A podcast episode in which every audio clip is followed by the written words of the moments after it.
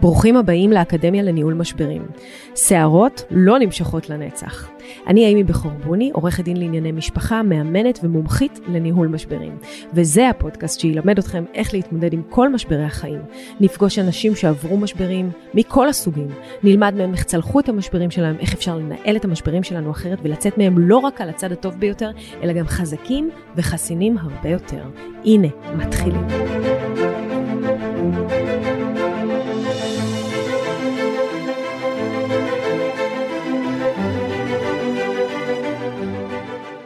היום אני רוצה לדבר איתכם על דגלים אדומים במערכת יחסים. עכשיו תראו, מערכת יחסים היא לאו דווקא מערכת יחסים זוגית, כן? יש לנו המון מערכות יחסים, יש לנו מערכות יחסים עם הבוסים שלנו, יש לנו מערכות יחסים בעבודה, מערכות יחסים עם חברים, והרבה מאוד פעמים המערכות יחסים האלה הן מערכות יחסים רעילות, לא מקדמות, מסרסות, גורמות לנו ההפך ממה שהן אמורות ואנחנו לא שמות לב או אולי אנחנו מעלימות עין אני לא יודעת אבל אני רוצה לדבר איתכם בדיוק על זה על דגלים אדומים. ואני רוצה להזכיר לכם שיש ספר שנקרא שערות לא נמשכות לנצח שאני כתבתי שבספר הזה אני מתארת, אני מלמדת, משתפת בשיטה שאני המצאתי שנקראת אה, שערות לא נמשכות לנצח, שיטה לניהול משברים והשיטה מורכבת מחמישה שלבים, אם תסתכלו בפודקאסט הזה באחד הפרקים פה יש אה, פרק שנקרא שערות לא נמשכות לנצח ואני מספרת שם על כל השיטה ואפשר אה, לקרוא את הספר ובאמת לקרוא בבלוג לשמוע את הפודקאסט ובאמת ללמוד את השיטה המאוד מאוד פשוטה הזאת וגאונית לניהול משברים שאם אתם שמים אותה נוסחה שלה על כל משבר אתם בוודאות יוצאים ממנו אבל אני רוצה לדבר ספציפית על החלק השני של השיטה. למה? כי הוא מתחבר לדגלים אדומים במערכות יחסים. בעצם החלק השני נקרא מה באמת היה שם לפני המשבר. כי בכל משבר יש לנו, אם אנחנו נחזור אחורה, נוכל לראות סימני אזהרה שהיו בדרך והתעלמנו מהם. תמיד יש סימנים. אני אומרת לכם, תמיד יש סימנים. רוב הזמן אנחנו פשוט לא רוצים לראות אותם. מתעלמים, מדחיקים, מספרים לעצמנו סיפורים אחרים כדי לא לראות את מה שאנחנו צריכים לראות. והשלב הזה בניהול משבר בעיניי הוא הכרחי להתפכחות שלנו, לא רק להתפתחות שלנו, אלא כדי להבין um, מה היה שם, ואז גם לדעת שזה לא יקרה שנית. זאת אומרת, אם אתה מזהה מה היה, אז אם זה יקרה בפעם הבאה, אתה כבר לא תתעלם ולא תוכל להתעלם, כי זה כבר יהיה כל כך ברור לך. ואם אתם מזהים את הסימנים האלה למשבר ואתם מעלים אותם למודעות, אתם באמת לא תופתעו בפעם הבאה, אתם ישר תדעו אה, שמשבר כזה מגיע, כי אתם כבר תזהו את הסימנים, זאת אומרת אם אנחנו לפני שמגיע צונאמי יודעים שיש רוחות צפוניות ערות, אז אנחנו מתחילים להבין שעוד שנייה הצונאמי מגיע ואנחנו נדע להתארגן אליו. אה, אותו דבר לפחות עם כל המשברים, זאת אומרת זה, זה בדיוק הסיטואציה, ואז אם אנחנו עושים את זה, אז אנחנו אה, לא, לא נצטרך לפגוע אה, בחיים שלנו הרגילים, אנחנו נזהה את זה ואולי נצליח להימנע מהמשבר. אז, אמ, אז, אז, אז אני רוצה לדבר על הדגלים האדומים האלה במערכות יחסים שנמצאים שם ואנחנו לכאורה מתעלמים. למשל, בן זוג פלרטטן, אוקיי?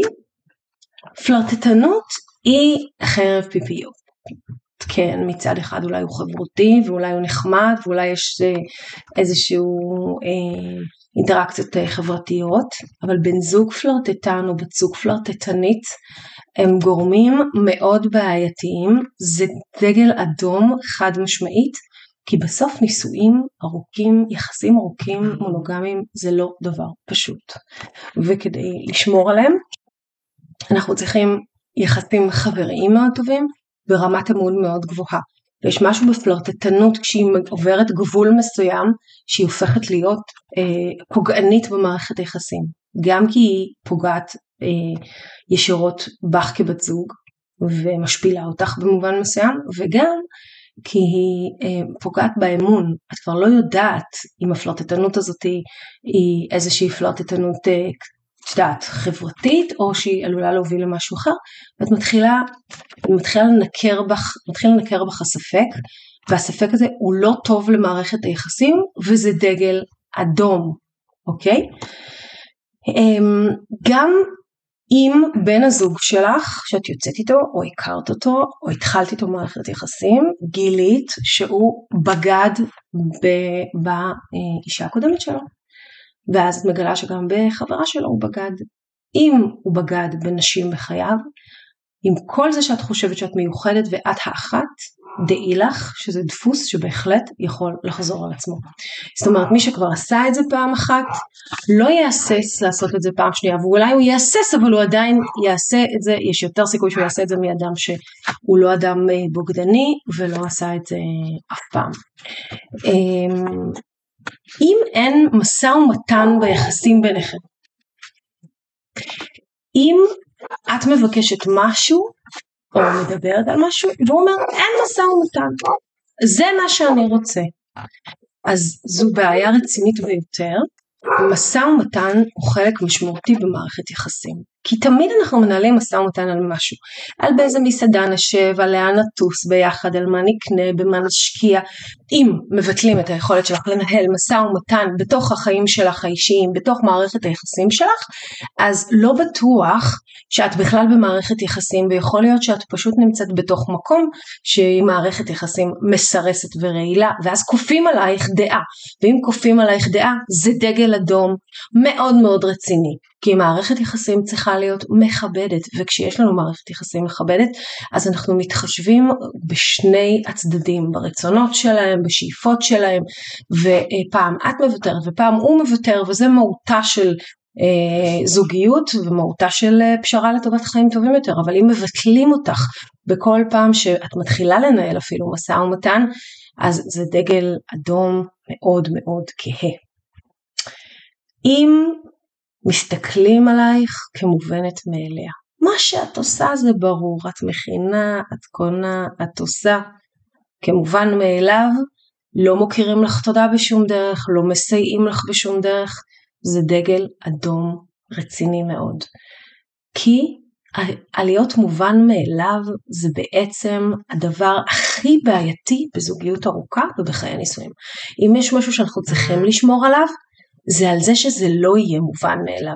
על זה שלא נשכח שאנחנו מתעוררים בבוקר לחבק, להודות על היש, אמ, להגיד אני אוהב אותך, אני אוהבת אותך, אמ, לדעת מה הוא תורם לך בחיים, מה את תורמת לו. מהרגע שזה מתחיל להיות מובן מאליו, אז זה כבר לא, זה כבר, זה, זה, זה דגל אדום. למשל, אני זוכרת שהייתה לי לקוחה שבעלה היה מביא לה פרחים כל יום שישי. כל יום שישי היה מביא פרחים. שנים, שנים, שנים. ואז היא הייתה אצלי בשיחת ייעוץ ואמרתי לה, אה, נו ואיך הוא, מה הוא לא מתייחס אליי, הוא לא אוהב אותי, אין בינינו שום דבר, זה לא זה, ואז איכשהו לא זוכרת איך היא הגיעה לזה שהוא קונה לה פרחים בכל יום שישי. ובכלל היא כבר לא אוהבת פרחים. ואז אמרתי לה, לא הבנתי, כל יום שישי הוא מביא לך פרחים? זה כל יום שישי, הוא הולך לשוק, הוא קונה את הדברים שאני צריכה והוא מביא לי פרחים. אמרתי לה, ומתי בפעם האחרונה אמרת לו תודה על הפרחים האלה? זה ככה חשבה, את האמת לא, לא אמרתי לו תודה, להפך זה מעצבן אותי, אני בכלל לא אוהבת פרחים כבר איזה כמה שנים, לא בא לי על הפרחים. אמרתי לה, זה קצת כפיות טובה, את לא חושבת, זאת אומרת, במקום לבוא ולהגיד לו תודה על הפרחים, שחשבת עליי, תודה שאתה עדיין עושה את זה, זה טרחה, זה הליכה, זה ללכת, זה לבחור, זה להביא, אל תיקחו את זה כמובן מאליו. וזה ככה הרים לדגל, היא פתאום הבינה שבאמת הוא כן עושה דברים, והיא פשוט אה, כבר, אה, זה נראה לה הכי מובן מאליו, כבר התרגלה, מה שנקרא, מתרגלים לטוב מהר. אז באמת אה, המובן מאליו הזה, זה באמת רעה חולה אה, בזוגיות. אם את יוצאת עם מישהו ואת מתחילה להיות איתו במערכת יחסים וכשאת מסתכלת עליו את אומרת לעצמך בחיים לא הייתי נותנת לאיש הזה להיות אבא. או הפוך, בחיים לא הייתי רוצה שהאישה הזאת תהיה אימא. אז את יודעת שאין מקום להמשיך במערכת היחסים הזאת. כי אם את רואה היום משהו, מזהה משהו שאומר שהוא לא יכול להיות אבא או היא לא יכולה להיות אימא, את מזהה איזה חוסר אחריות, איזה, איזה התמכרות, איזה לא חשוב מה, משהו שגורם לך בתחושת הבטן להבין את זה, זה דגל אדום. כי אין בשלות שם, ואם אין בשלות, אין סיבה למשוך את מערכת היחסים הזאת. מה שאת יודעת בבפנים, בפנים, בפנים שלך, זה אה, הדבר הכי נכון וצריך להסתכל עליו. דגל אדום נוסף חשוב, מהותי, אולי הכי חשוב מהכל. ממי, את לא צריכה לעבוד. עזבי אותך, תשבי בבית, למה נשלם למטפל את הסכום שאת ממילא תביאי מה, מהעבודה? מה תביאי כבר שבע? אנחנו רק למטפלת נשלם שבע. זה דגל אדום חמור ביותר. קודם כל, כי זה אומר שאת מאבדת את העצמאות שלך והופכת להיות תלויה כלכלית באדם אחר ואלוהים יודע מה יכול לקרות. את תמיד צריכה את העצמאות הכלכלית שלך ואני מדברת על זה חזור ודבר בפודקאסטים, בסרטונים, בבלוגים, בטיקטוק, באיפה לא. את צריכה לשמור על העצמאות הכלכלית שלך. אין דבר יותר חשוב מהעצמאות הכלכלית שלך מזה שיהיה לך למה לקום בבוקר.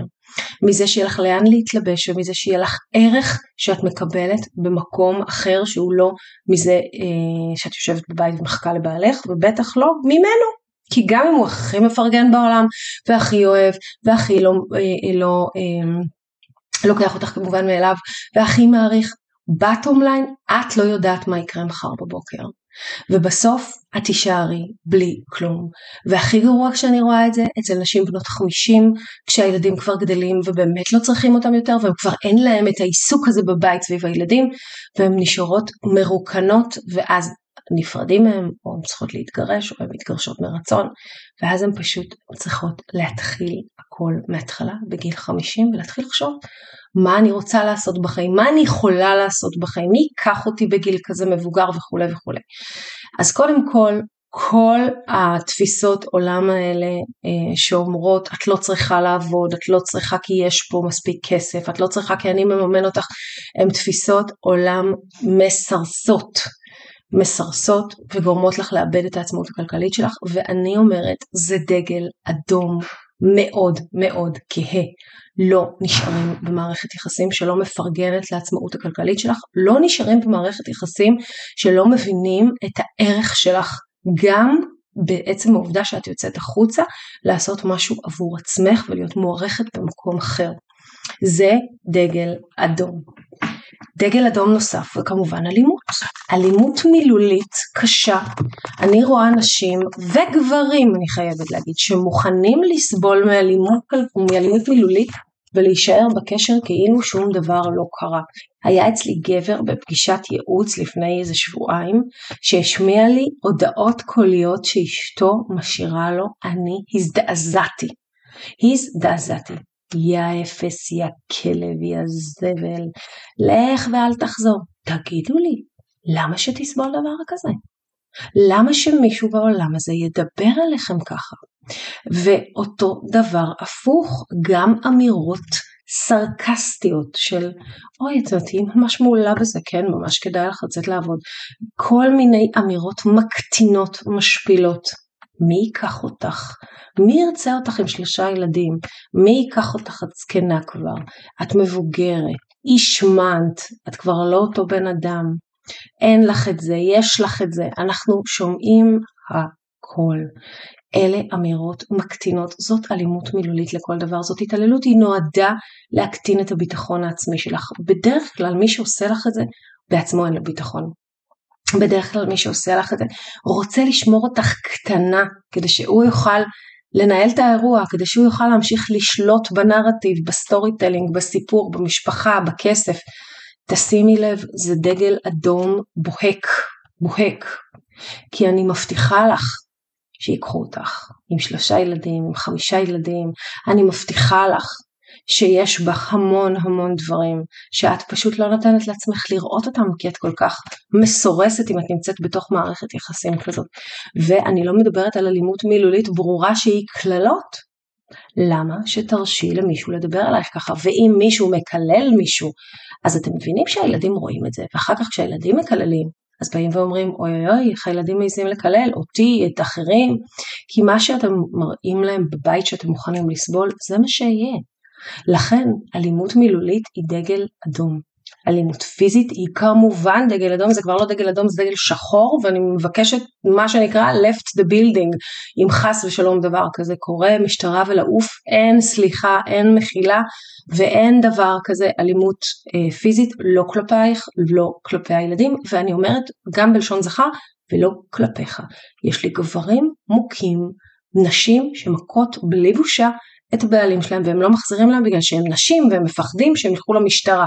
אז זה יכול לקרות לשני הכיוונים. אף צד לא צריך לסבול מאלימות על צורותיה. וכן, אם יש אלימות, אתם, את, אתם יודעים, היה לי לא מעט סיפורים שנשים הגיעו לייעוץ ואז אמרו אני רוצה להתגרש ואני אומרת אוקיי מה מתי התחילה האלימות והיא אומרת לפני החתונה. הוא היכה אותך לפני החתונה והתחתנת איתו. כן, הוא רק דחף אותי, ואז הוא בכה, והוא נשבע שזה לא יקרה שוב. בנות, זה דגל אדום. זה קרה פעם אחת, זה יכול לקרות שוב. כמו שלא היית רוצה שהבת שלך תתחתן עם מישהו שהיכה אותה אפילו פעם אחת, את לא עושה את זה. פשוט לא עושה את זה. תשמעו, עוד דגלים אדומים. הפסקתם לעשות סקס. אתם לא עושים סקס. כמה זמן?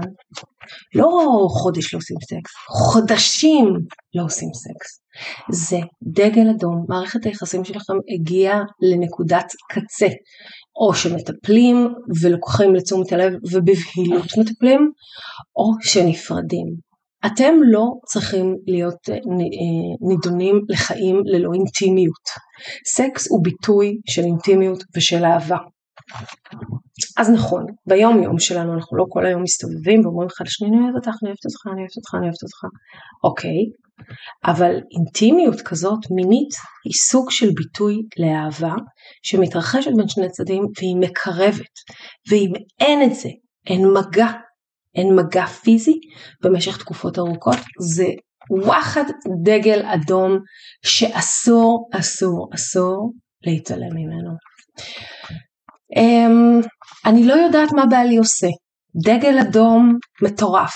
מה זאת אומרת את לא יודעת מה בעלך עושה? אני באמת לא יודעת. הוא הסביר לי שהוא עושה משהו, הוא פשוט נוסע לחו"ל כל הזמן, ואני לא לגמרי יודעת. למה את לא יודעת מה בעלך עושה? אם בעלך עובד במשהו שאת לא שותפה לו, לא פרטנרית שלו, לא מוגדר, את לא יודעת לספר מה הוא עושה, זה דגל אדום. את צריכה לדעת מה הולך אצלך בבית, אחר כך מתפלאים שפתאום מגלים שהוא בכלל אה, בחו"ל אה, לא עבד, הוא העלים כספים, הוא עשה חובות, הוא בכלל מהמר, את צריכה לדעת מה יש לך בבית, זה, זה דגל אדום שלא מספרים לך מידע, עצירת מידע היא דגל אדום. את אומרת לו אני רוצה לדעת כמה כסף יש בבנק, הוא אומר לך עזבי מאמי זה לא בשבילך, דגל אדום. זה בשבילך ועוד איך, זה גם הכסף שלך, את צריכה לדעת איפה הפנסיות שלך נמצאות, איפה הכספים, איפה החסכונות, אם יש תיק השקעות, אם יש חופת חיסכון לילדים, אין סיבה שלא תדעי, אין סיבה שלא תדעי מה קורה לו בעבודה, אין סיבה שלא תדעי מה קורה לו בחשבון של החברה שלו, אין סיבה שלא תדעי מי הפרטנרים שלו, מי השותפים שלו, מה הרווחים, מה את עושה כל חודש, מי רואה החשבון, מי שנמצאת במערכת יחסים שבעלה לא מאפשר לה לדעת זה דגל אדום וזה ינשך אותך בתחת. בסוף זה יחזור אלייך במצב של פרידה, במצב של חובות, במצב של משהו, זה יחזור אלייך וזאת גם אחריותך אה, לדעת מה קורה אה, במגרש הכלכלי אצלכם אה, אה, בבית. אה, עוד דגל אדום אה, יציאות בערב, פתאום הוא מחליט לצאת עם חברים פעמיים בשבוע, פעם פוקר, פעם אה, כדורגל, פעם זה, פעם זה, פתאום הוא הפך להיות בליין והחברים שלו אה, נפגשים איתו. אני בשלב הזה ממליצה לבדוק טוב טוב האם הוא יוצא עם חברים שלו באמת ולאן הוא הולך ואותו דבר כלפיה. נשים שפתאום מתחילות לעשות פילאטיס ויוגה שלוש פעמים בשבוע בערב, אה, אז יכול להיות שזה באמת פילאטיס ויוגה ויכול להיות גם שלא. אה, כל קבוצות הריצה למיניהם שמתחילות בארבע בבוקר כל יום, אנחנו רואים המון המון המון בגידות שם, אז אה, לשים לב, לא לעצום עיניים לגמרי, ספורט זה אחלה, אני מאוד מאוד בעד, אבל אני חושבת שכדאי מאוד מאוד לבדוק כל הזמן ולהיות עם יד על הדופק. זוגיות ארוכה היא דבר שצריך לשמר, היא דבר שצריך לבדוק, היא דבר שצריך אה, להיות בו עם אה, עיניים פתוחות לכל אורך אה, הדרך. אמ, מה עוד אני יכולה להגיד לכם על דגלים אדומים? תשמעו, חוסר בתשומת לב, חוסר באחד על אחד, בדייטים, במפגשים, ביצירת אה, נושאים משותפים אם אתם מרגישים שבאמת אין לכם כבר יותר על מה לדבר אם אתם יוצאים לדייט ו, ובאמת אתם חוץ מעל הילדים לא מוצאים על מה לדבר זה דגל אדום. ועכשיו אני רוצה להסביר מה הפירוש הזה של הדגלים אדומים. הדגלים האדומים שדיברנו עליהם הם סימני אזהרה. זה לא אומר אופס אני מזהה דגל אדום יאללה בוא נתגרש. לא.